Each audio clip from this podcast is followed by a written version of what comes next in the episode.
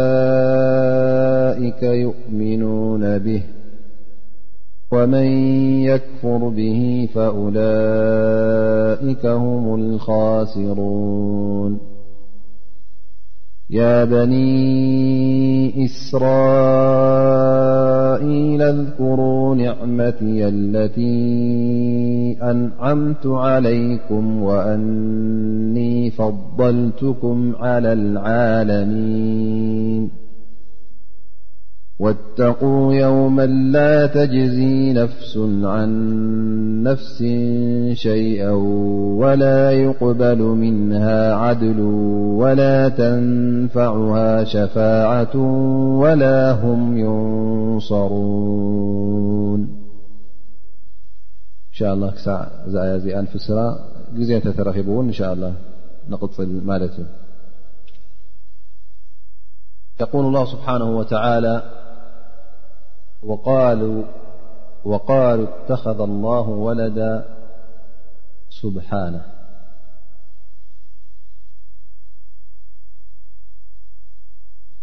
بل له ما في السماوات والأرض كل له قانتون وقالوا من يمتم زبلو نعم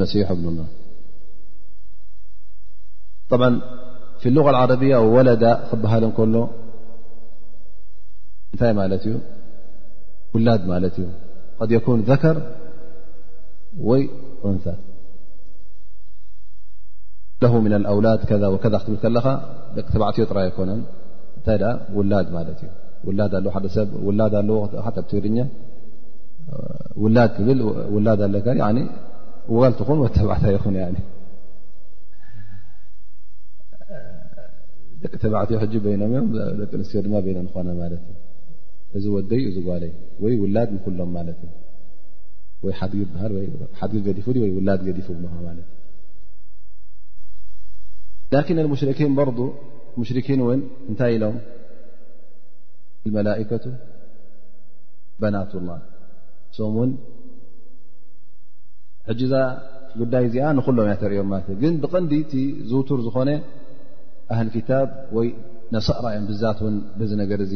ተወርዮም ማለት እዩ ሃ ኣያ እዛ ኣያ እዚኣ ረዱን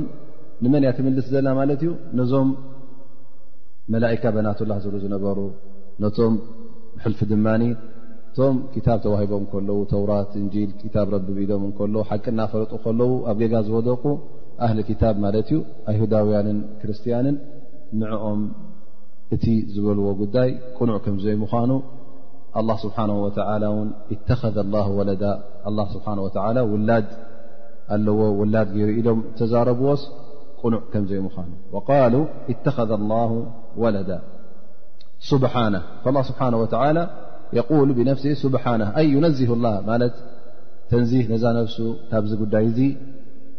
የንፅሃ ኣሎ ማለት እዩ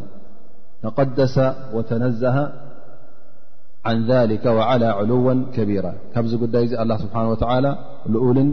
ንፅህን ፅሩይን ቅዱስን እዩ ስለዚ ኣላ ስብሓ ወተላ ውላድ ኣለዎ ኢልካ ክትጠቕሶ ከለኻ ተርክሶ ኣለኻ ማለት እዩ ተሕስሮ ኣለኻ ማለት እዩ ክብሩ ትትንክፍ ኣለኻ ማለት እዩ ምክንያቱ ኣላ ስብሓ ወተላ ውላድ ምላድ ኣብ ወዲ ሰብ ንኣብነት እንተ ሓደ ሰብ ውላድ ዘይብሉ ኮይኑ ከም ጎደሎ ነብሱ ይቆፅራ ክኸውን ምናልባሽ ምክንያቱ ዘይወልድ ሰብ መኻን ማለት እዩ ሰበይቲ ኹን ወተባዕታ ይኹን እተ ዘይወሊዶም መኻናት እዚ ሰብ ዚ ሕጂ ጉድለት ኣለዎ ማለት እዩ ዘይወልድ ሰብ ፊ ሓቂ ላ ላኪን እዚ ጉዳይ እዚ ብኣላ ስብሓን ወተላ ክተቕርቦ ከለኻ እንተ ኣላ ወሊዱ ዘሚዱ እተ ትብል ኮንካ ንኣላ ስብሓን ወተዓላ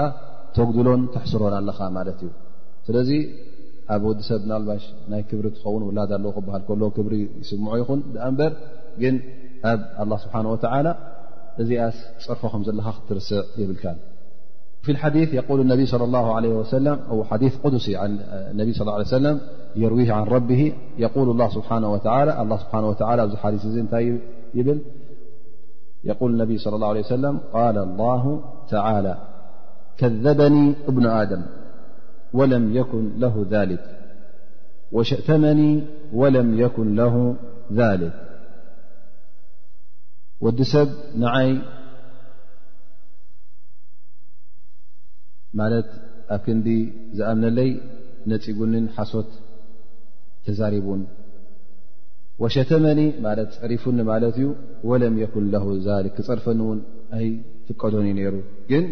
ወዲ ሰብ ክሓዲ ስለ ዝኾነ ንኣላ ስብሓን ወተዓላ ብሓደ ወገን ፀሪፉኒ እዩ ብሓደ ወገን እውን እቲ ሓቂ ዝመፀ እውን ነፂጎ ማለት እዩ ከዘበኒ ማለት ሓቂ ይኮነን ኢሉ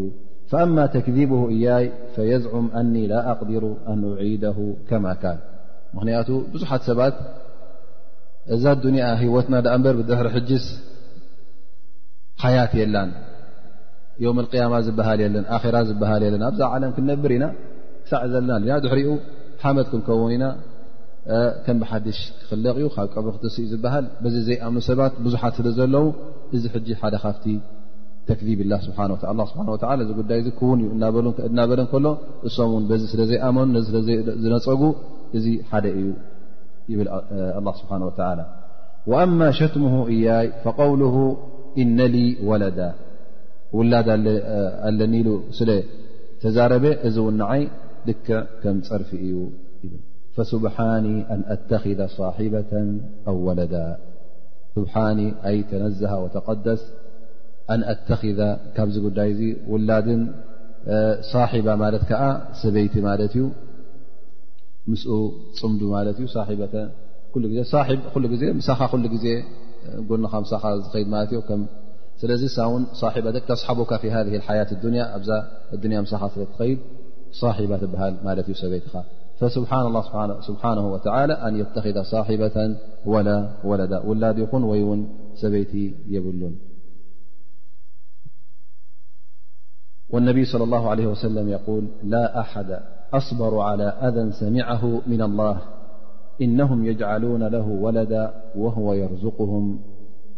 ወዩዓፊህም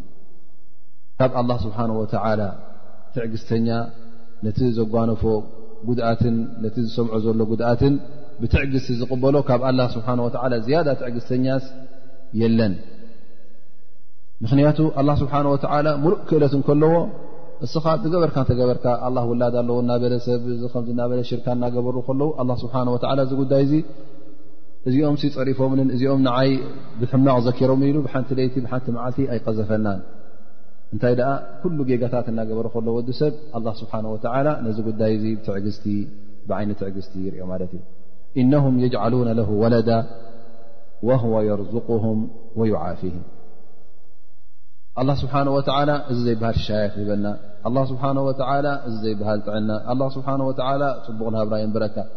ከምዚ ንብረት እናነበርካ ከለኻ እስኻ ድማ ኣብ ክንዲ ተመስግንን ኣብ ክንዲ ሓምዱላ ትብልን ኣ ክንዲ ንኣላ ስብሓን ወላ ጥራይ ተምልኽን ንዑ ትግዛእን ሽርካ ትገብረሉ ውላድ ኣለዎ ኢልካ ትዛረብ ውላ መላእካ ውላዱ እዮም ወይ እውን ወዲ ኣምላኽ ወይ ጓል ኣምላኽ ወይ እዚ እናበልካ ንኣላ ስብሓን ወተዓላ ካብቲ ክብሩ እናሕሰርካን እናፀረፍካን ትነብር ኣላ ግን እዚ ኩሉ እናርኣየ ከሎውን እቲ ርዝቂ ናቱ ኣይሰሓቦን እቲ ዓፍያ ናቱ እቲ ጥዕና ሂቡካ ዘሎ እቲ ሽሻይ ሂቡካ ዘሎ ኣየሕደገካን ግን ብትዕግስቲ ምናልባሽ ፅባሕ ሎሚ ናብ ልብኻ ትምለስ እሞ መገዲ ሓቂ ትሕዝ እዚ ንዓኻ ሕጂ ዕድል እናሃበካ እዩ ማለት እዩ ስለዚ ኣላ ስብሓን ወተላ ብሰብሪ ወይ ከዓ ብትዕግስቲ እዩ ብዓይነ ትዕግስቲ እዩ ዝርእካ ዘሎ ስብሓና በል ለሁ ማ ፊ ሰማዋት ወልኣርض ኣላ ስብሓን ወተላ ሰማይን ምድርን ኣብ ሰማይን ኣብ ምድርን ዘሎ ኩሉ እውን ናቱ እዩ እዚ ውላዱ እዚ ዘመዱ እዚኣ ሰበይቱ ኣይበሃልን እዩ እንታይ ደኣ ኩሉ ናቱ ፍጡር እዩ ናቱ ባርያ እዩ ኣላ ስብሓን ወተላ ከም ድላዩ ገላብጦ ለይቲ መዓልቲ ከም ድላዩ ገላብጥ ነዛ ኣዱንያ ከም ድላዩ ገላብጣ ንዓኻ ንወዲ ሰብ ንእንስሳ ከም ድላይ ገይሩ ከልቀካ ከሙተካ ተደልዩ የሙተካ ርዝቂ ክበካ ተደልዩ ርዝቂ በካ ክሀፍትመካ ተደልዩ ውን ይሀፍትመካ ከድክየካ ተደልዩ ውን የድክየካ ስለዚ ኣላ ስብሓን ወተዓላ ኩሉ ሙሉእ ዓለም ኣብ ትሕቲ ቅፅፅሩ እዩ ስለዚ ኩሎም ባሮቱን ናቱ ፍጡራት እንድኣ እዮም እምበር ውላዱ እዩ እዚ ወዱ እዩ እዚኣ ሰበይቱ እያ እዚ ካብኡዩ ተወሊድልካ ንኣላ ስብሓን ወተላ ምፅራፍን ንኣላ ስብሓን ወተላ ምሕሳርን እዩ ውላድ ድማ ኩሉ ግዜ ክውለድ እንተ ደኣ ኮይኑ ካብ ምንታይ እዩ ዝውለድ ክልተ ተመሳሰልቲ ዓይነት ክኾኑ ኣለዎም ማለት እዩ ማለት ሰብ ምስ ሰብ ፀሚዱ ውላድ ክወልድ ከሎ ሰብ ይወልድ ማለት እዩ ከምኡ ውን እንስሳ ምስ እንስሳ ምስ ተመሳሳሊ እዩ ዝፀምድ ስለዚ ሽዕኡ ውላድ ዝርከብ ስለዚ ከመይ ጌርካ ኣላ ስብሓን ወተላ ምስ መን ፀሚዱ ሞ ምስኡ ተመሳሰል ዝመሳሰል ኣሎ ድዩ ሳሒብ ኣለዎ ወይ ከዓ ካብኡ ተወሊዱ ክትብል ማለት ናቱ ሰበይቲ ወይ ንዕኡ ዝመስል ድዩ ኩሉ ግዜ ዝውለድ እውን ነብኡ እዩ ዝመስል ወይ ነብኡ ነቶም ወለዱ እዩ ዝመስል ማለት እዩ ማለት ኣብ መልክዕ እንተዘይመሰለ እውን ግን ሰብ ሰብ እዩ ዝወልድ እንስሳ እንስሳ እዩ ዝወልድ ስለዚ ከም ናቱ ፈሲላ እዩ ዝኸው ማለት እዩ ስለዚ እሞ ኣላ ስብሓን ወተላ እቲ ክወልድ እንተ ትብሎ ኮንካ ልክዕ ከምኡ ፅምዲ ዝገብር ክረከብ ፅምዲ ዝገብር ክትህሉ ኣለዋ ማለት እዩ ከምኡ ዝኣመሰለ እቲ ዝውለድ እውን ከምኡ ክኸውን ኣሎ ማለት እዩ እዚ ድማ ምስ ኣላ ስብሓን ወተላ ምስቲ ናቱ ክብርን ምስ ናቱ ዓዘማን ዝቀራረብ ኣይኮነን ስለዚ ከመይ ጌርካ ውላድ ኣለዎ ትብል እዚ ርሑቕ እዩ በልላ ስብሓን ወተላ ኩሉ ፍጡሩ እዩ መንጎ ሰማይን መሬትን ኣብ መንጎኡን ዘሎ ኩሉ ፍጡር ኣላ ስብሓን ወተዓላ እዩ ኩሉ ድማ ንኣላ ስብሓን ወተዓላ ይምእዘዝ ኩሉን ለሁ ቃኒቱን ኣላ ስብሓን ወተዓላ ኣብ ካልእ ኣያታት እውን ክንርኢ እንተ ደኣ ኮይንና ብዛዕባ እዚ ጉዳይ እዚ ኣላ ስብሓን ወተዓላ ናይ ተውሒድ ስለ ዝኾነ ናይ እቲ ቀንዲ ኣብ እስልምና ዘእትን ካብ እስልምና ዘውፅእን ጉዳይ ስለ ዝኾነ ኣላ ስብሓን ወተላ ኣብ ብዙሕ ኣያታት ጠቒስዎ እዩ ውላድ ከም ዘይብሉ ነዚ ነገር ዝነፅግ ኩላህና እውን እንሓፍዞ ሱራታት ኣሎ ማለት እዩ ንኣብነት ሱረት እክላስ ቁል ሁ ላ ኣሓድ ኣላ ሰመድ ለም የልድ ወለም ይውለድ ወለም የኩን ለ ክፍወን ኣሓድ ኣላ ስብሓን ወተላ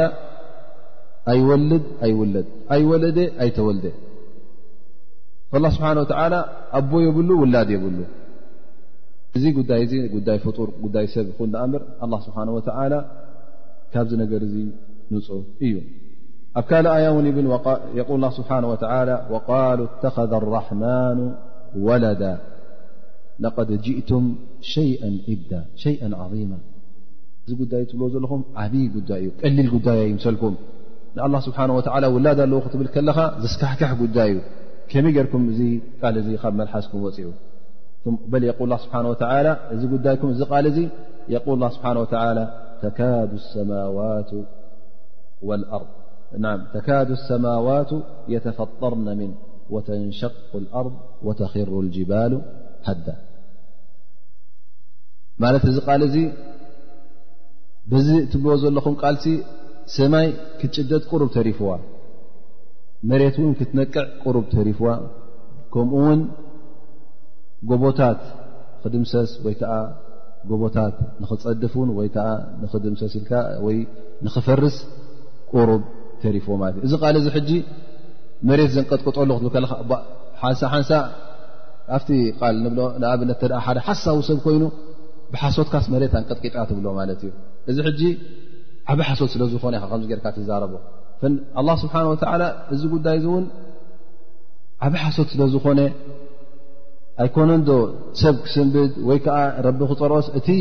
ኣይሰምዕን ኣይርእን ትብሎ ንቁፅ ነገራት መሬትን ሰማይን ጎቦን እዚ ኣእማን እውን ንገዛእ ርእሱ በዚ ቃል እዚ ክበታተንን ክፍንጣሕን ክስበርን ቀሪቡ ይብል ኣላ ስብሓን ወተላ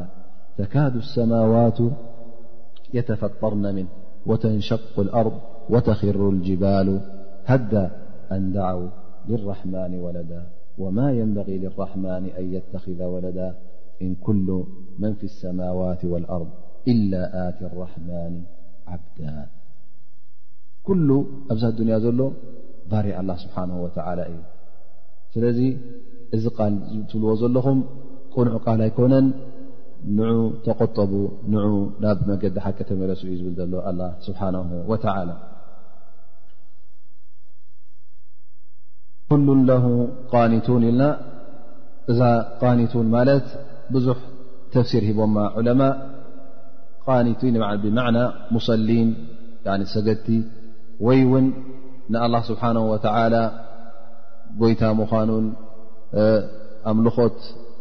ንዕኡ ክወሃብ ከም ዝግብኦ በዚ ነገር እዚ ዝተኣማመኑ እዩ ከል ዕለማእ ድማ ይብሉ ብኩሉ ትርጉም ነዚ ትሕዘልና ትርጉማ ሙጢዒን ማለት ምእዙዛት ኩሉን ለሁ ቃኒቱን ዝኾነ ይኹን ኣብዛ ኣዱንያ ዘሎ ፍጡር እኒ ይኹን ጎቦ ኩሉ ንኣላ ስብሓን ወተላ ምእዙዝ እዩ ወላ እውን ካፍር ንገዛእ ርእሱ እቲ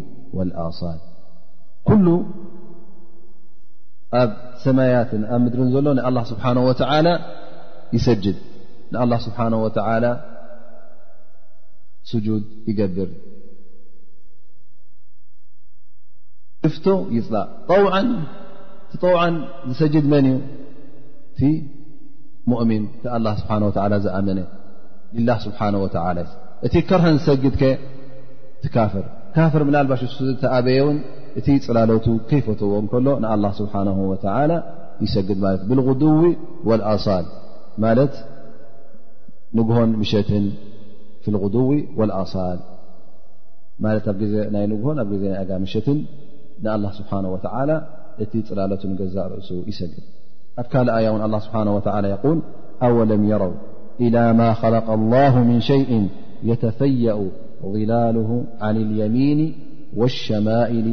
ሱጀደ ልላ ወሁም ዳኪሩን ዝኾነ ይኹን ፅላለት ዘለዎ ፅላለቱ ይሰግድ ማለት እዩ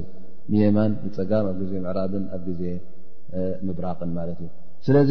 ፍቶ ፅላእሲ ንስኻ ካብ ኣምልኾት ኣላ ኣይክትወፅእን ኢኻ ምናልባሽ ክሓዱ ኮንካ ዓናዳ ጌርካ ወይ ኣነ ብኣላህ ኣይኣምንን እየ ኣነ ንኣላ ኣይሰግድን የልካ ወይ እውን ሽርካ ጌርካ ንእምንን ንምስሊ እተ ትሰግድ ኣለካ ኮንካ ስለዚ እቲ ፅላለትካ ግን ካበኻ ይሓይሽ ከይፈትኻ ናብ ኣላ ስብሓን ወላ እዩ ትሰግድ ጥራይ ፅላለትካ ኣይኮነን እምንን ጎቦን ኩሉ ንኣላ ስብሓን ወላ ኩሉ እንስሳታት እውን ንኣላ ስብሓን ወላ እዩ ዝሰጅድ ስለዚ ኣላ ስብሓን ወላ ውላድ የብሉን እንታይ ደኣ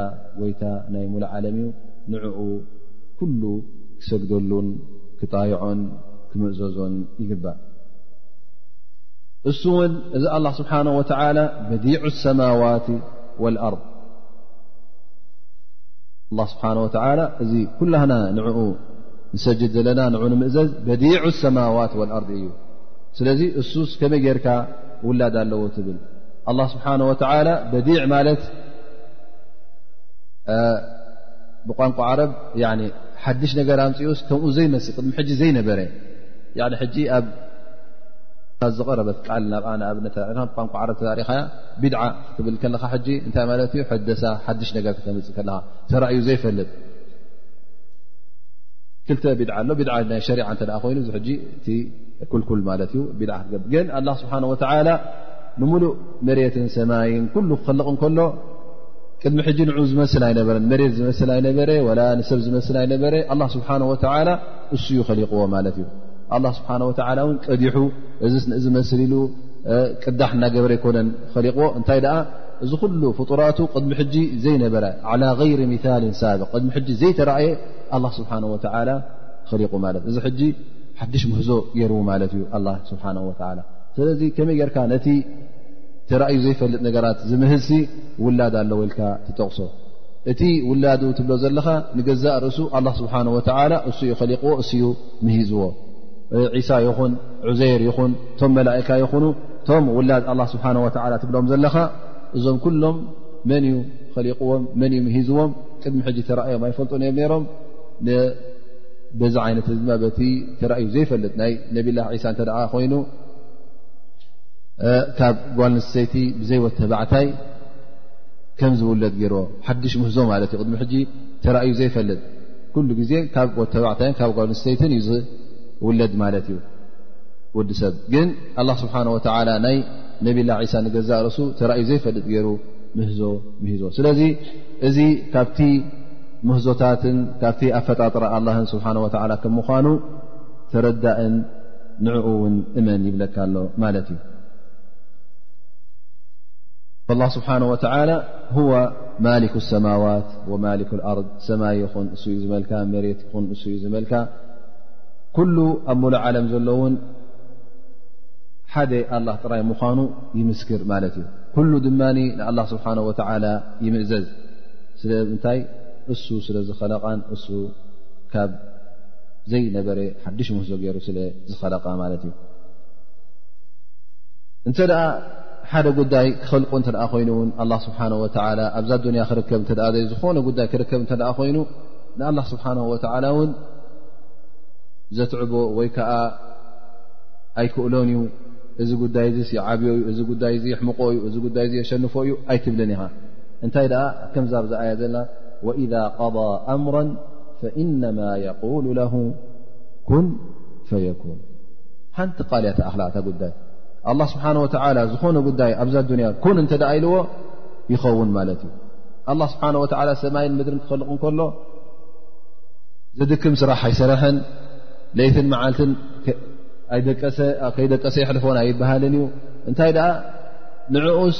እታ ኣኸላለቃ ናይ ኣዱንያ ይኹን ሙሉእ ዓለም ንክኸልቕ ካብታ ኩን ኣይትሓልፍን እያ ካብታ ትእዛዝ ምሃብ ጥራይ ትእዛዝ ንምሃብ ተዘይኮይኑ ባዕሉ ክነድቕ ባዕሉ ክጫኹር ባዕሉ ክድይብ ክወርድ እዚ ኩሉ ንኣላ ስብሓን ወተላ ኣየድልዮን እዩ ወዲ ሰብ እዩ እተ ሓደ ጉዳይ ሓደ ነገር ክሰርሕ እተ ኮይኑ ናይ ግድን ገዛ ክትሰርሕ እተ ኮይንካ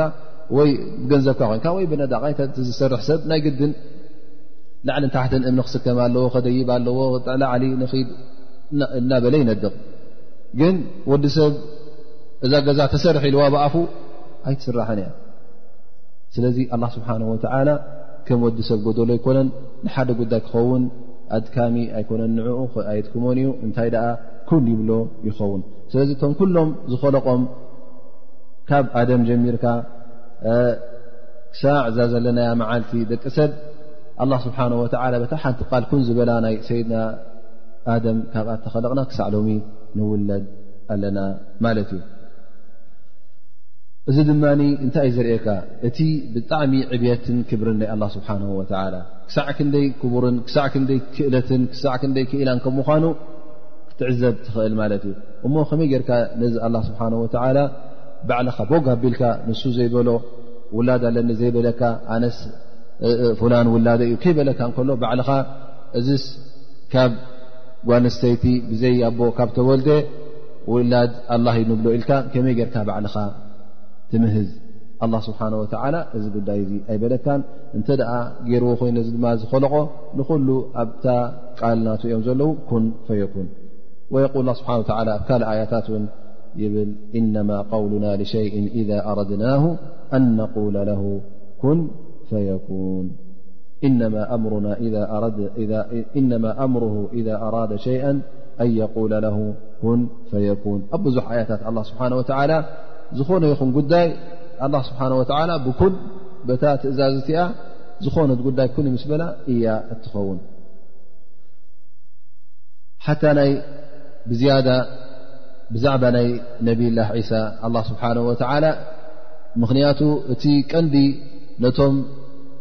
ክርስትያን ዘጋገዮም እንታይ ነይሩ ነብላ ዒሳ ብዘይ ኣቦ ስለ ተወልደ ውላድ ኣላ እዩ ወይ ከዓ ወዲ ኣምላኽ ዩ ክብሉ ክዛረቡ ተረኸቡ እዚ እዩ ነይሩ ስለዚ እዚ እንተ ኣደናጊርኩም ኮይኑ ኢሉ ኣላ ስብሓን ወተላ ንገዛእ ርእሶም መልሲ ሂብዎም እዩ ፈየቁል ላ ስብሓን ወተላ እነ መላ ዒሳ ዕንዳ ላሂ ከመሊ ኣደም ማለት እቲ ተመሳሳሊ ነገር ተቕርበሎም ማለት እዩ ምክንያቱ ሓደሓደ ግዜ ንሓደ ሰብ ከተረድኦ እተ ኮይንካ ብተመሳሳሊ ኢካ ተረድ ፈየቁል ስብሓ ወ እቲ ጉዳይ ዒሳ ልክዕ ከም ናይ ኣደም እዩ ለቀ ምን ቱራብ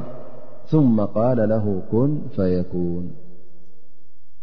ንኣደም ኣላ ስብሓን ወላ ክኸልቆ ከሎ ወተባዕታይን ካብ ጎል ሰይትን ኣይኸለቆን እንታይ ኣ እቲ ኸላልቓ ናቱ ብዝያዳ ተኣምር ነይርዎ ማለት እዩ ምናልባሽ ናይ ሰይድና ዒሳ ኣደላቱ ግን ኣቦ የብሉን ሰይድና ኣደም ግን ኣደ የብሉ ኣቦ የብሉ እዚ ግን እዚ እውን ብዝያዳ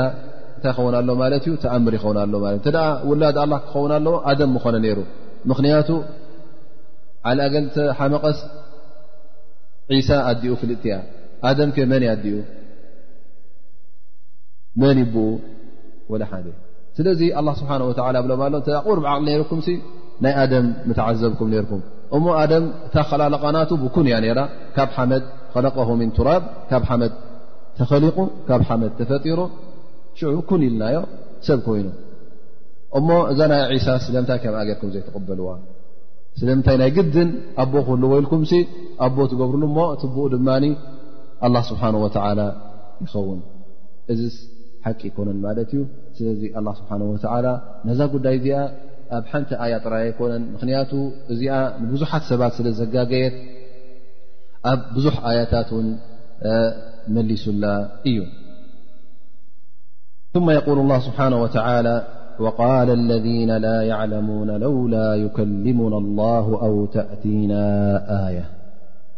እዚኦም መን እዮም ገለ ዑለማء መቸም ኣይሁዳውያን ኣው ኣህሊ ክታብ እዮም ኢሎም ግን እቲ ብዝያዳ ብሩህ ዝኾነ እዚ ቃል እዚ ዝበልዎ እቶም ሙሽርኪ ዓረብ እቶም ኣብ ግዜ ነቢና ሙሓመድ صለ ላه ለ ወሰለም ዝነበሩ ሙሽርኪን እዮም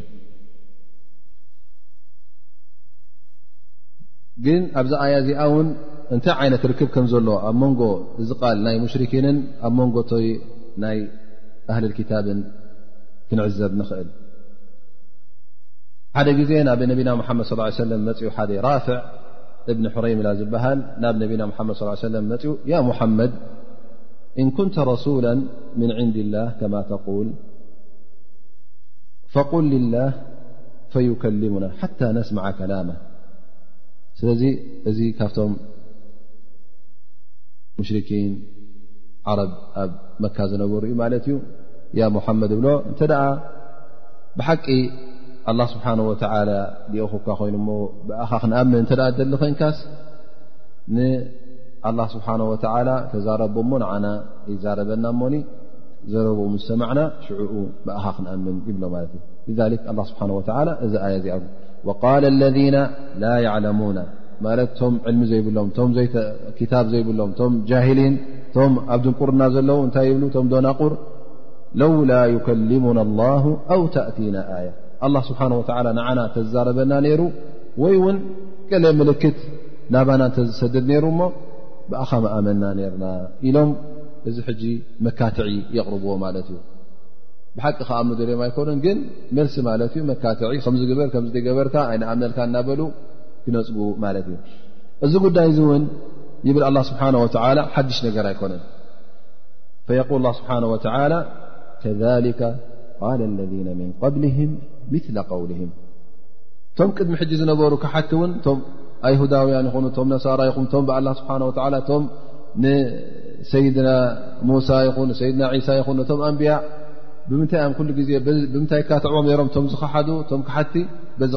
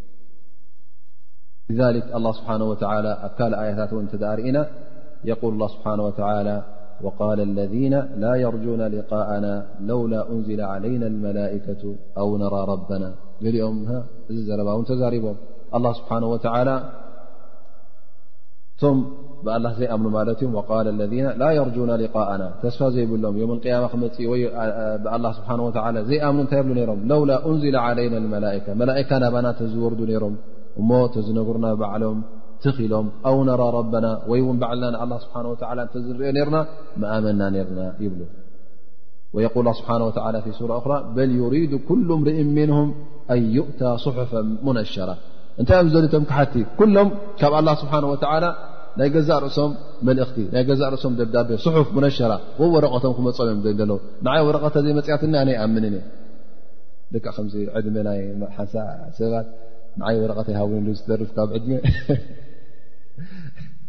ዓዲምካ ካ እናተባሃለ ከሎ ልኡ ክመፅዎ ከሎ ኣነ ንዓይ ነጊሩኒ ዓዲ ሞ ላ ንዓይ ወረቐት ዘይሃበኒ ኣይከይድን እዮ ጂ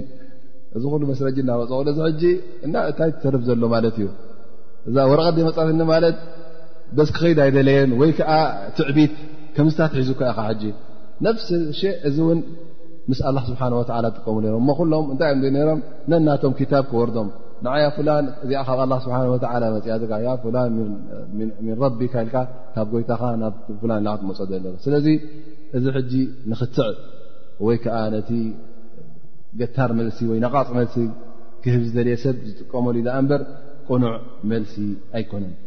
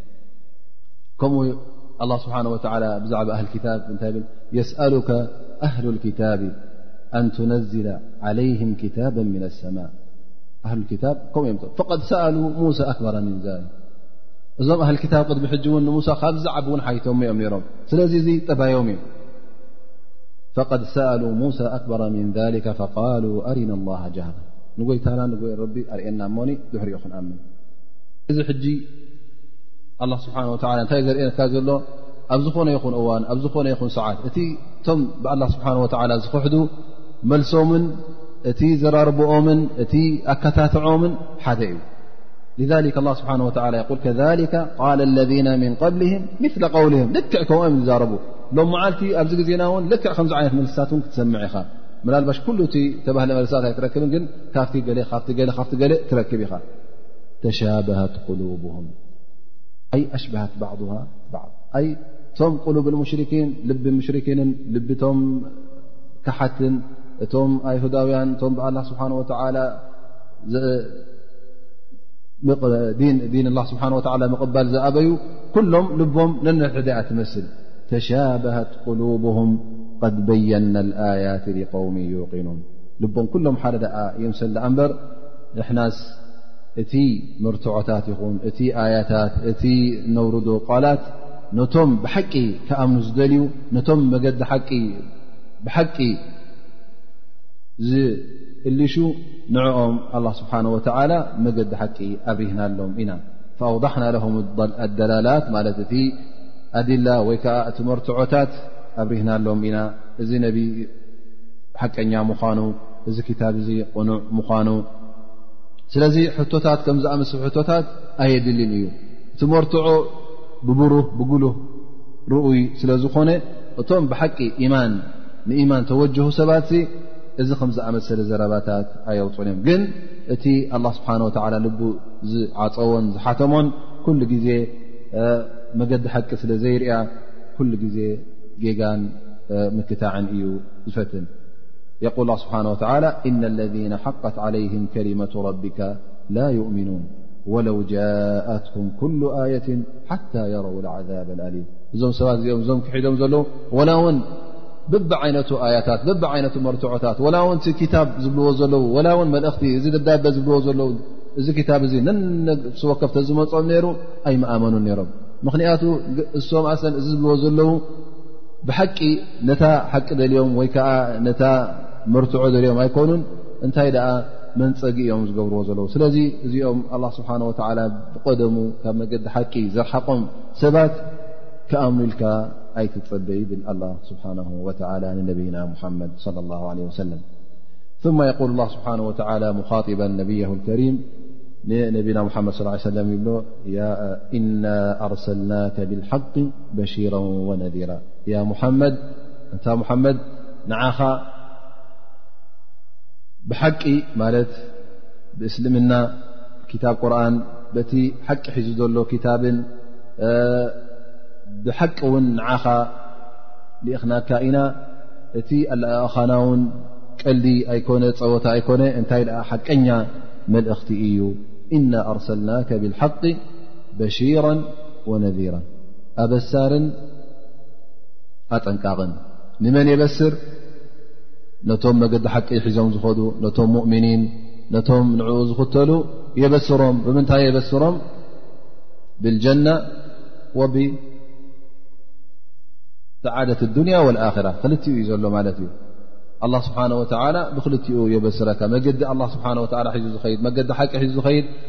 ኣብ ኣዱንያ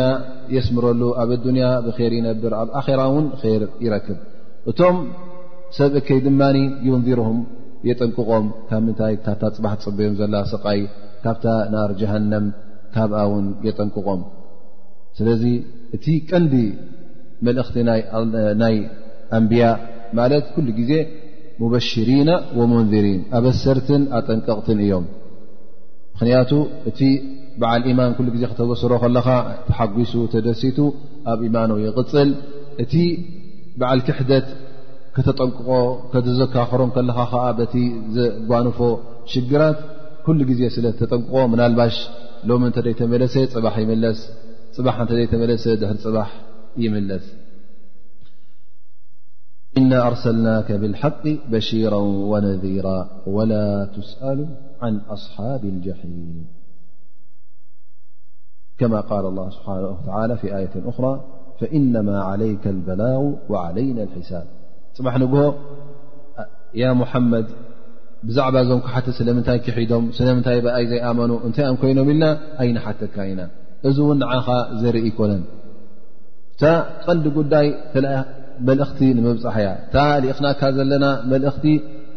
ንዑ መገዲ ሓቁ ሓዙ ንዑ መገዲ ረቢ ሓዙ እናበልካ ከተጠንቅቕን ከተበስርን ኢኻ ደኣ እምበር እታ መልእኽቲ እንተ ኣብፅሕካያ ብድሕሪኡ ስለምንታይ ፍላን ስለምንታይ እዞም በዓል ፍላን እዞም በዓል ፍላን ዘይኣመኑ መልእኽቲ እተ ኣብፅሕካ ኣሎም እኽልቲ እያ ስለዚ ነዛ ነብስኻ ብዙሕ ኣይተትክማ ፈዘክር እነማ ኣንተ ሙዘክር ለስተ ዓለይህም ብሙሰይጥር ንሓደ ሰብ ኣገዲድካ መገዲ ሓቂ መገዲ ኢማን ክተእትዎስ ኣይትኽእልን ኢኻ እስኻ ይኮንካ ተቆፃፃሪ እንታይ ደኣ እስኻ ሙዘክር ፈዘክር እነማ እንተ ሙዘክር እስኻ ኣዘኻኻሪ ኢኻ ከይርስዕ መገዲ ሓቂ ከይጋገ ንዑ በዚኣ መገዲ ሓቂ ን እዚኣ መገዲ ረቢልካ ከተመልክት ኢኻ ደኣ እምበር ካልእ ስራሕ የብልካን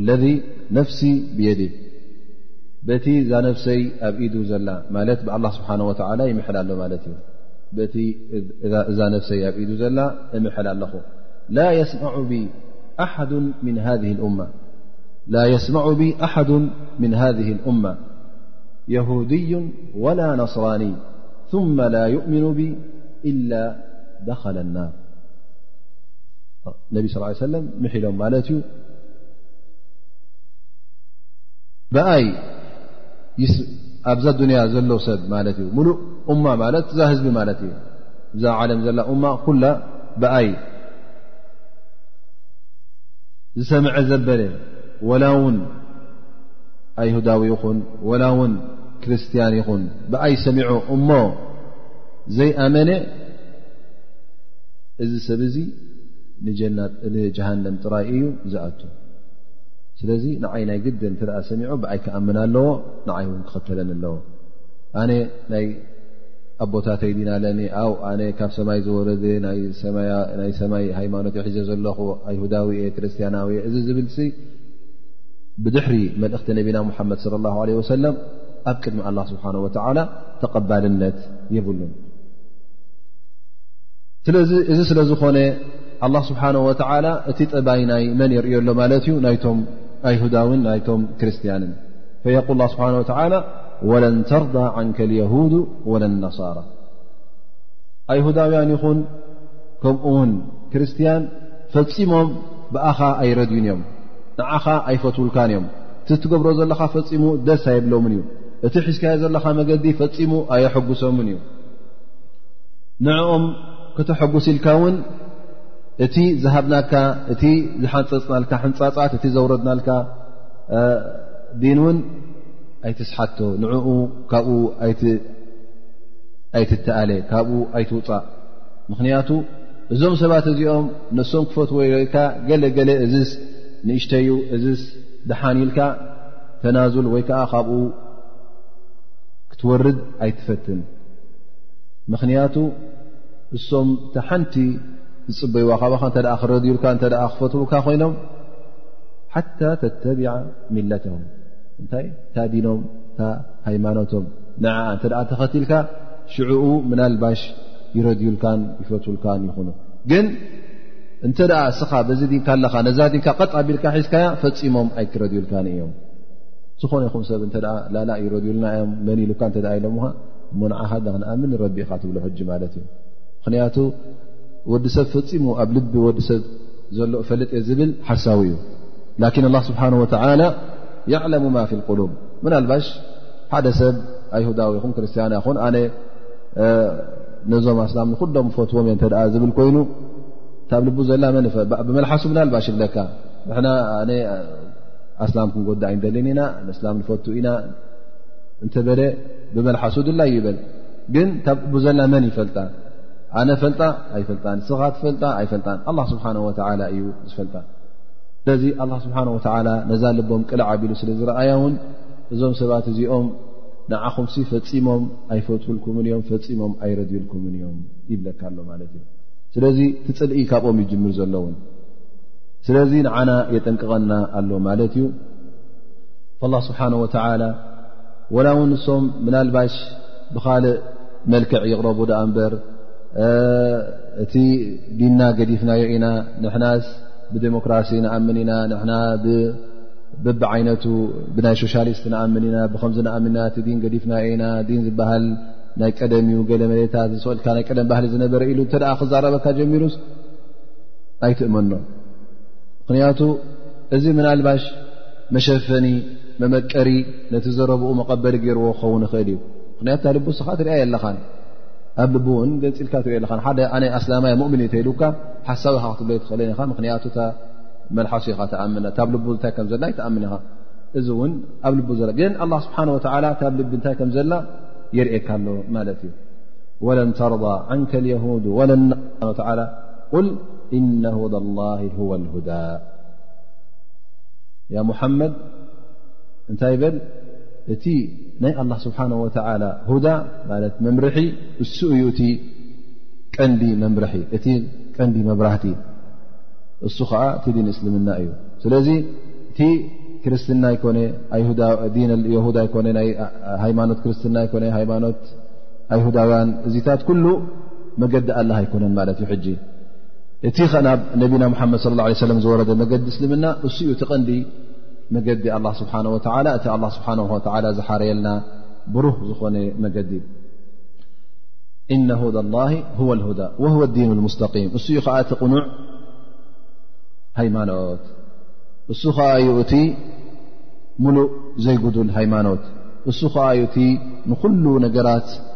ወይ ከዓ ንኩሉ ህይወት ናይ ወዲ ሰብ ዝዕብልል ሃይማኖት እዚ ናይ ኣላ እዩ እዚ ናይ ንጉስ እዩ እዚ ናይ ኣዱንያ እዩ እዚ ናይ ከምዚ እዩ ከይበለ እንታይ ደኣ ኩሉ እንትናኻ ናይ ኣላ ስብሓን ወተላ ኩሉ ምንቅስቃሳትካ ምስ ኣላ ስብሓን ወተላ ተኣሳሰረ ኩሉ ነጥፍታትካ ሓላል ድዩ ሓራም ኢል ናበልካ ናሓተትካ ትጓዓዘሉ ዝኾነ ዲን ዝሕብር ኣየና እዩ እቲ ናይ እስልምና ዲን እዩ ቁል ኢነ ሁዳ ላ ወ ልሁዳ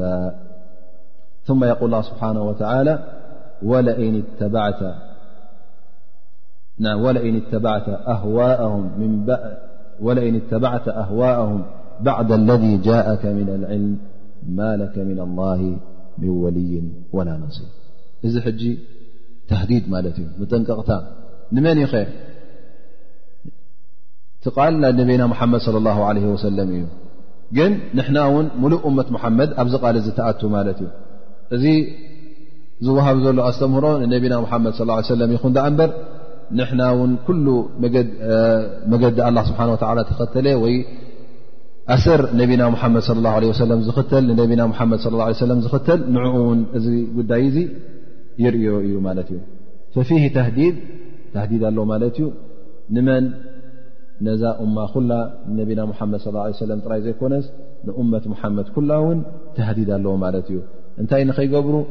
ካብቲ ኣላ ስብሓን ወተዓላ ዲን ዝሃቦም ካብቲ ዝመረፀሎም ሁዳ ዝብልናዮ እቲ ዝሃቦም ሓበሬታ ካብኡ ወፂኦም ኣብቲ ናይ ኣይሁዳውያን ይኹን ኣብቲ ናይ ክርስትያን ይኹን ኣብኡ ንኸይከዱ መገዲ ሓቅን መገዲ ሱናን መገዲ ረብን ፈጦም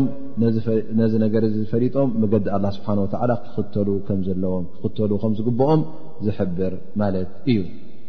ስለዚ እዚ ቃል እዚ ኩሉ ግዜ ክትርስዖ የብልካን ኣላ ስብሓን ወተዓላ እውን ዝበሎ ፈፂምና ክንጠራጠረሉ የብልናን እንታይ ደኣ ብነብስኻ ተጠራጠር በቲ ናትካ ኢማን ሙምክን ትጠራጠር ኣነስ ከምዝን ከምዝን ነዚ ሰብ እዚ ብከምዚ ጥምቶ ብከምዚ ይርዮ በል እዚ ናካ ጉዳይ ግን ኣላ ስብሓን ወተዓላ ዝበለካ ፈፂምካ ክትጠራጠረሉ የብልካን ምናልባሽ ሓደ ሰብ ብልያካ ላላ እዞም ሰባት እዚኦም እተ ሰብ ር እዮም ፈትውልና እዮም ነስላማ ይፀልእዎን እዮም ዝብል ኮይኖም ይረድዩልካ እዮም ላ እውን ኣብ ዲንካ ከለካ እተ ዝብል ኮይኑ እሞ ረቢ ከምዚ ኢሉ እተልካዮ እተ ነዚ ነገር ዘይተቀበሎ ምናልባሽ ካብ ዲን ን ከውፅኦ ይኽእል እዩ ምናልባሽ ከይፈለጠ ከሎ ኣላ ስብሓን ወላ እዚ ከምዚ ዝኣመሰለ ቃላት ኣውሪዱ ከይፈለጠ ከሎ እተ ኢልዎ ምናልባሽ ምስ ተብርሃሉ ማለት እዩ ግን እዚ ሰብ እ ላብራህካ ኣሉ ከለካ ከምዚ ኢሉ ሉ ከምዚ ኣላ ስብሓን ወላ ከምዚ ኢሉ ተዛሪቡ እናበልካዮ ከለካ ላ ዝብል እንተ ኮይኑ እዚ ሰብ እዚ እውን ምናልባሽ ካብቲ ደረት ካብቲ ናይ እስልምና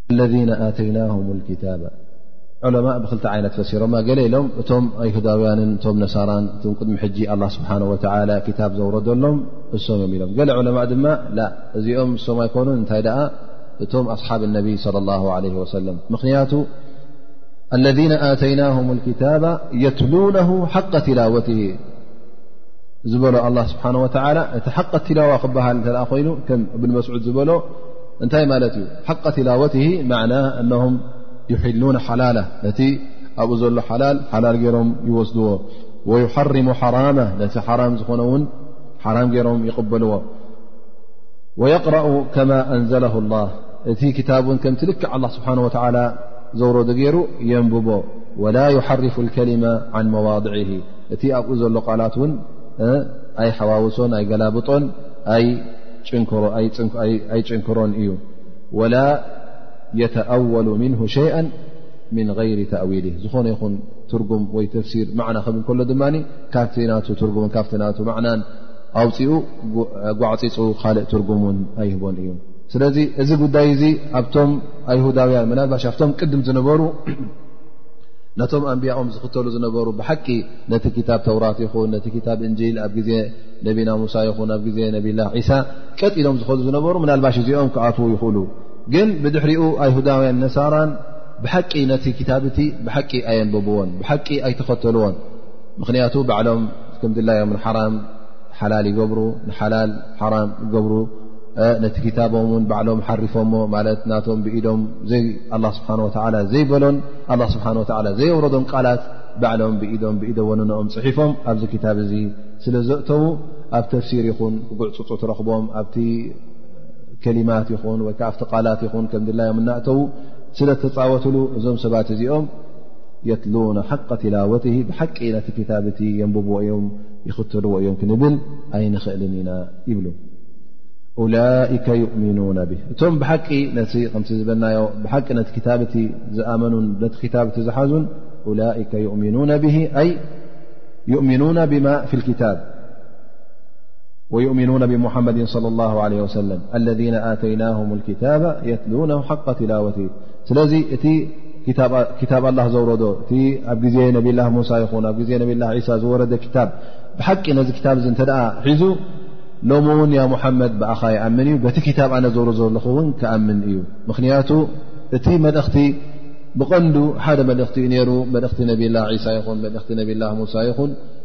እዛ ሕጂ ሕዝካ ዝመፅእካ መልእኽቲ እውን ንኡ መመላእታ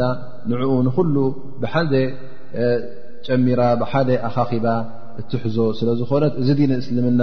እዚ ሕዝካ ዝመፀእካ ዲን ያ ሙሓመድ ነቲ ናይ ቅድሚ ሕጂ ዝነበረ ዲን ምስ እተኣሳሰረ ስለ ዝኾነ በዚ ዲን እውን ክኣምኑ እዮም ግን እንተ በቲ ክታብ ሙሓረፍ በቲ ዘይቅኑዕ ክታብ ዝኣምኑ እተ ኮይኖም ብሓቂ በቲ ክታብ ዘውረድናዮ ኣይኣመኑን ማለት እዮም ስለዚ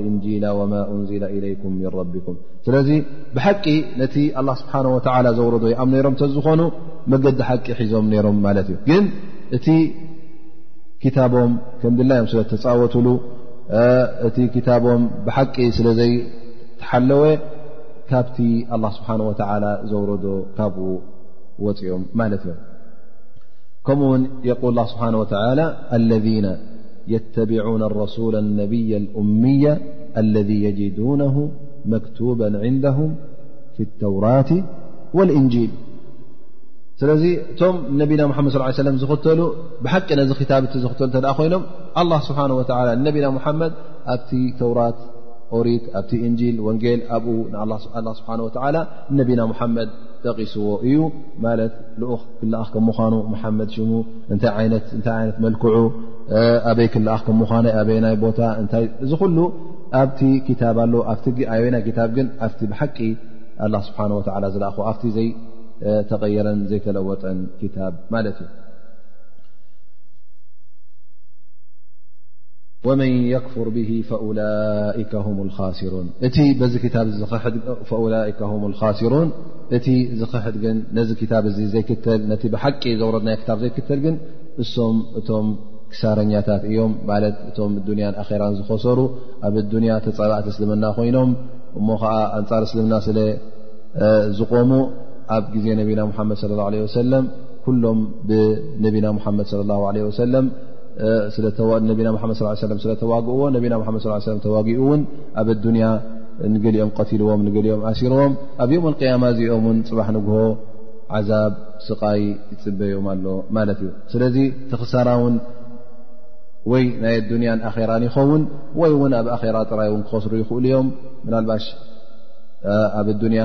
ገለገለ ሽሻያት ን እተ ኣላ ስብሓን ወላ ከፊትሎም እዚ ሽሻይ እዚ ፈትዎም ማለት ኣይኮነን ግን ኣብ ኣዱንያ ኣላ ስብሓን ወላ እዛ ኣዱንያ ንኹሉ ስለ ዝገበራ እቲ ሽሻዩ ናብ ኩሉ ክበፅሕ እዩ ከምኡ ውን ኣብ ርእሲኡ ምናልባሽ እዚ ጉዳይ እዚ እውን ብዝያዳ ንዓኦም እብትላ እኽትባር እምትሓን ማለት ፈተና ክኸውን እሞ እዚ ዝውሃቦ ዘለዉ ሽሻይ ሪኦም ናብ መገዲ ኣላ ይምለሱ ዶ ወይስ ንሕና ኣብ ፅቡቕ ኣልና ናበሉ ተጋግዮም ብኡቢሎም ይጠፍኡ ፈላ ስብሓን ወተላ ንዕኦም የኽተብሮም ወይ ከዓ ይፍትኖም ኣሎ ማለት እዩ ثማ የቁል ስብሓን ወተላ ብዛዕባ ናይ ኣይሁዳውያን ነሳራን ምስ ጠቐሰ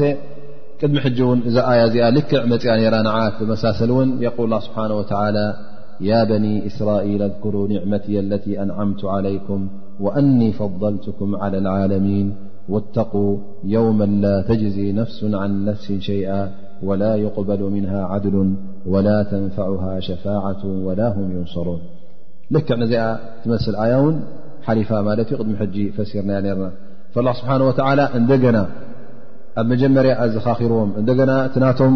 ጉዳይ ኩሉ ምስ ጠቐሰውን እንደገና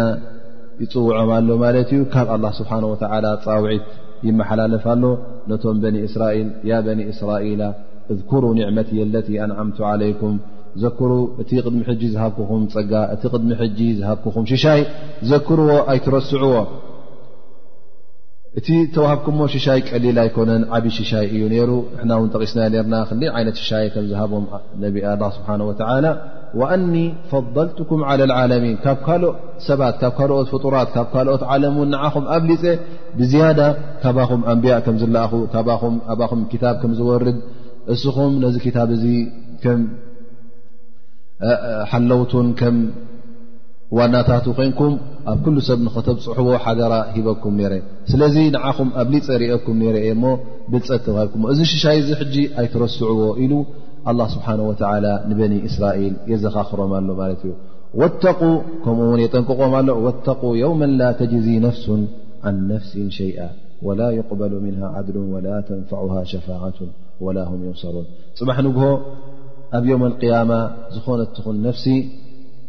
ንዝኾነት ትኹን ነፍሲ ምንም ኣይክትጠቕማን እያ ማለት መፅያ ኣነ ንሓወይ እስኻ ንሓውኻ ንሓፍተይ ነቦኻ ነዴኻ ንውላድካ ኣብ ዮም ኣልቅያማ ክትጠቕሞም ኣይትኽእልን ኢኻ ኩሉ ሰብ ነናቱ ሒሳብ ኣለዎ እዚ ክጠቕመኒ እዚ ክጠቕመኒ ዩ ኣይበሃልን እዩ ኣብኣ ብጀካ ኣላ ስብሓን ወተዓላ ዝጠቅም የለን መንጎኛ የለ እዚ መስኪ ምስክረዩ እዚ ሓወዩ እዚ ዋስታ እዚ ገሌታት ዝበሃል የለን ስለዚ ኣብ ዮም ኣልቅያማ እቲ ሓደ ካብ ሓዊ ጀሃንም ዘናግፈካን ካብ ሓዊ ጀሃንም ዘርሕቐካን ኣብ ዓወት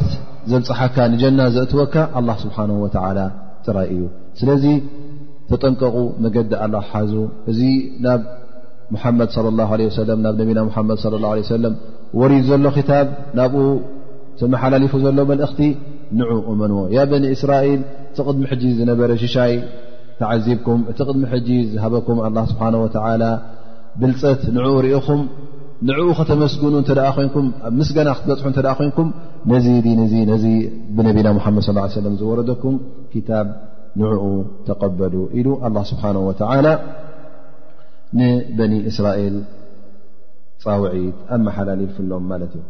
ثم يقول اله سبحنه وتعى وإذ ابتلى إبراهم ربه بكلمت فأتمه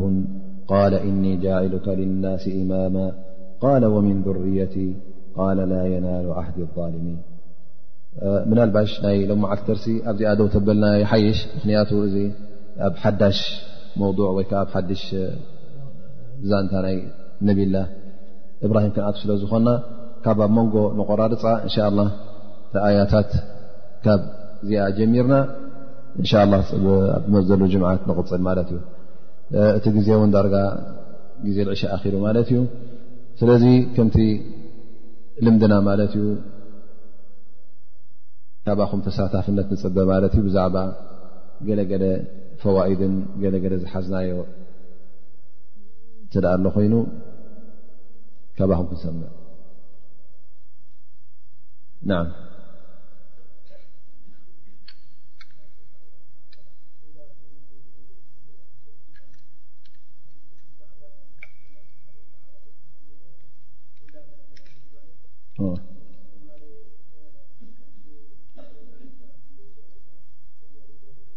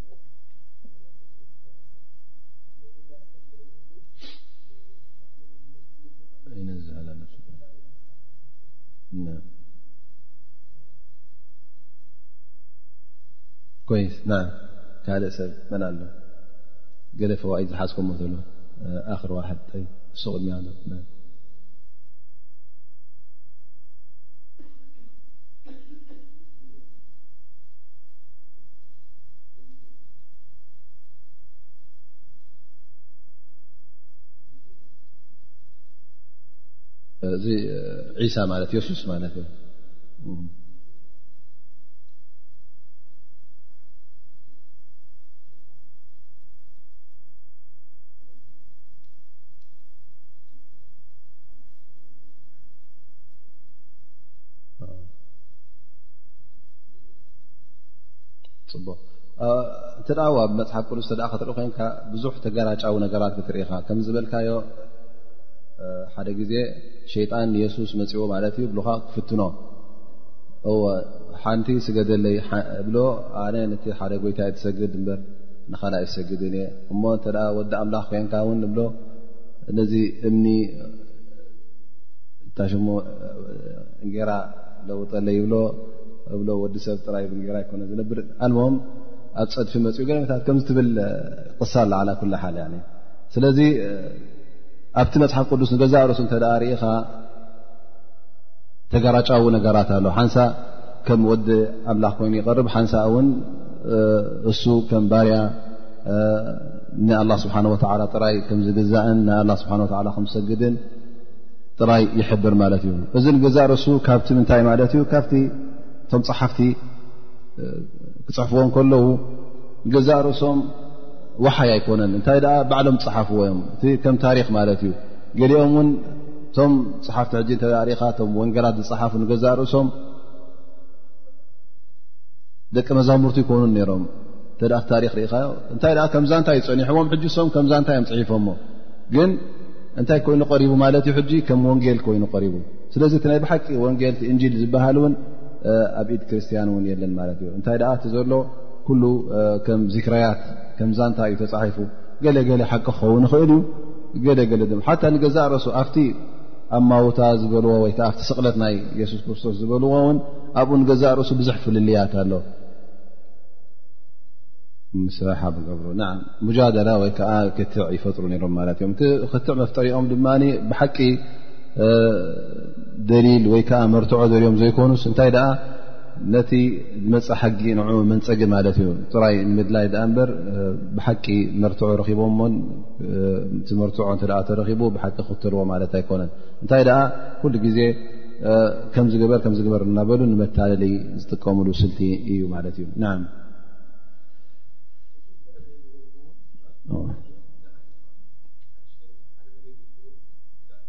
ጀይድ እዚኣ ጠቂስና ርና መንጎ ጠቂሳ ራ ማለት ዩ ኣብ ከሊመት በዲዕ ሰማዋት ኣር ክንዛረብ ከና ከሊመት ቢድ ወይ በዲዕ ማለት ኩሉ ግዜ ሕደሳ ማለት ከም ምኳና ሕደሳ ድማ ብሸርዒ እተ መፂና ኣብ ሸሪ ሓደ ሰብ ሕደሳ ወይከዓ ቢድ ከምፅእ ባዕሉ ኩልኩል ከም ምኳኑ ሓበሬታ ሂብና ርና ማለት እዩ እታ ከሊማ ንገዛእ ርእሳ ካበይ ከም ተበገሰ እታ ቢድ በዲዕ ማለት ኩሉ ግዜ ምህዞ ሓድሽ ምህዞ ማለት እዩ ተራእዩ ዘይፈለጥ ነገር ሓድሽ ነገር ክትገብር ከለኻ ዘይተገበረ ነገር እሱዩ ቢድዓ ዝበሃል ላ ስብሓን ወላ በዲዕ ሰማዋት ክበሃል ከሎ ሰማይ መሬትንሲ ባዕሊኡ ምሂዝዎ ቅድሚ ሕጂ ኣይነበረን ማለት እዩ ካብ ባዶ ምሂዝዎ ማለት እዩ ንዓም ድሪስ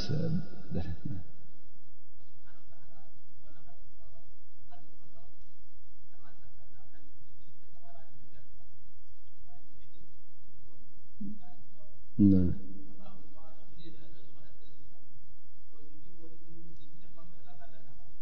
ካብቲ ሓደ መርትዖታት ማለት እዩ ከመይ ገይሮም ንኣላ ስብሓን ወተላ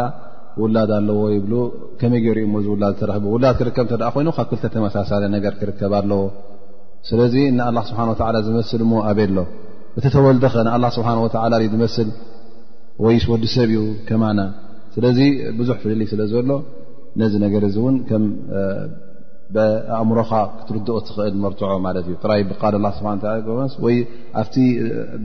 ባህርያዊ ነገር ትሪኦ ዘለኻ ብዱንያ ብኡ ትሕበር ማለት እዩ ዘይተበለ ምሳና ካልእ ሙሻ ኣይና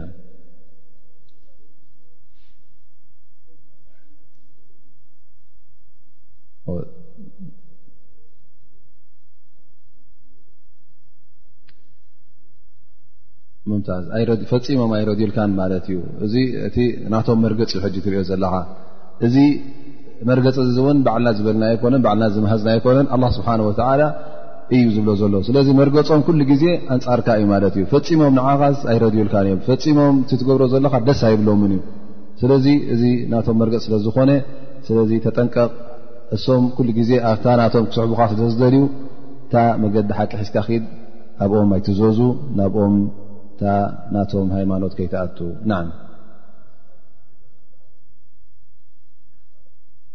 ኣላ ስብሓን ወላ እንደገና በኒ እስራኤል እውን የዘኻኽሮም ኣሎ ማለት እዩ ምክንያቱ እቶም ከምቲ ዝበልና ቅድሚ ሕጂ እውን እቶም ነዚ ዲን እዚ ንዲን ሓመድ ሰይድና ሙሓመድ ሒዞሞ ዝመፁ ዲን ቀዳሞ ተቐበልቱ እቶም በኒ እስራኤል እቶም ክታብ ዘለዎም ክኾኑ ይግባእ ነይሩ ላኪን እሶም ስለ ዝነፀጉ ኣላ ስብሓን ወተላ ደጋጊሙ የጠንቅቖም ኣሎ ደጋጊሙ ድዓዋ ይገብረሎም ኣሎ ያ በኒ እስራኤላ ያ በኒ እስራኤላ እናበለ እንደገና እንደገና ድዓ ብ ዳዕዋ ይገብረሎም ኣሎ ምናልባሽ ናብቲ ዲን ክምለሱ ፅባሕ ንግሆ ድማ ምናልባሽ ኣይሰማዕናን ንኸይብሉ እዚ ኩሉ ፃውዒት ንዕኦም ተዋሂቡ ማለት እዩ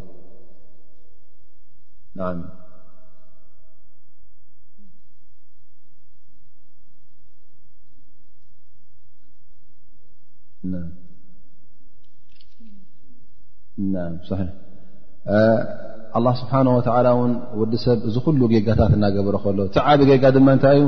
ኣሽርክ ብላ ብኣላ ስብሓ ወ ሽርካ እናገበሩ ከለዉ ውላድ ኣለዎ እናበሉ ከለዉ ንፅያፍ ነገር እናተዛረቡ ከለዉ ብዛዕባ ኣላ ኣ ስብሓ ወላ እዚ ኩሉ ተሃዊኹ ኣብ ስቃይን ኣብ መቕዘፍትን ዘየውረደና ነቶም ሙሽርኪን ማለት እዩ ኣብ ስቃይን ኣብ መቕዘፍትን ዘየውረዶም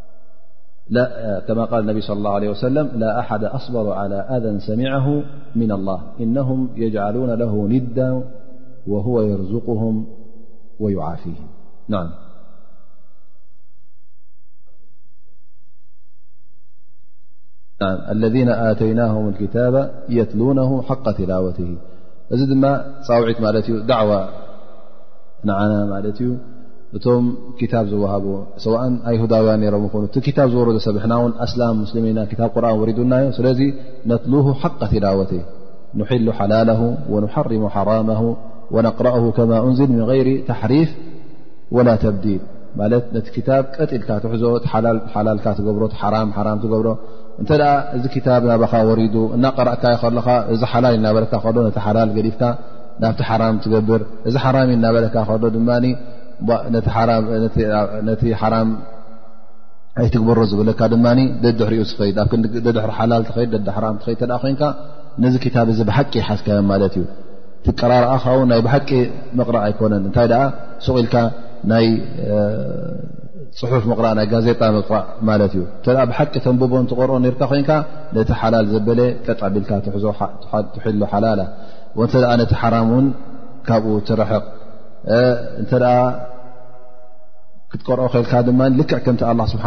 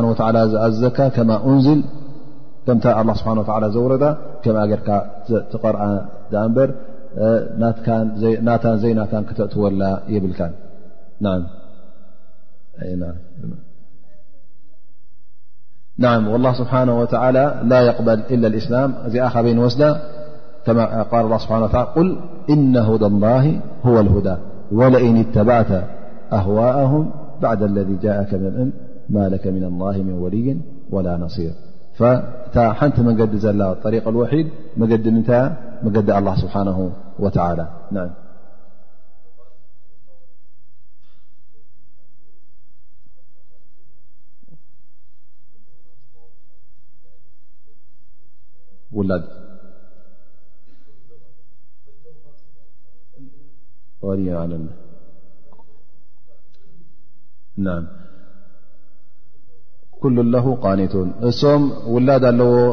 ኢሎም ባዕሎም ቦግ ኣቢሎም ይዛረቡ ድኣ እምበር ላ ስብሓን ወተላ እዚ ጉዳይ እዚ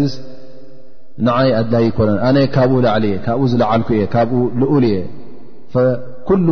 ሰማይን ምድርን ኣብ መንጎ ሰማይን ምድርን ዘሎ ኩሉ ኣብ ትሕቲ ቁፅፅረ እዩ ናተይ እዩ ባሮተይ እዮም ኢሉ ኣላ ስብሓን ወተላ የብርሃልና ኣሎ ስለዚ ኣላ ስብሓን ወተላ ነዛ ነፍሱ ኣንፅሁን ኣልዒሉን ቀዲስዋን እዩ እቲ ኩሉ ኣብ ዓለም ዘሎ ፍጡር እውን ኣብ ትሕቲ ክፅፅሩ ምዃኑ ካብ ኩሉ ዚ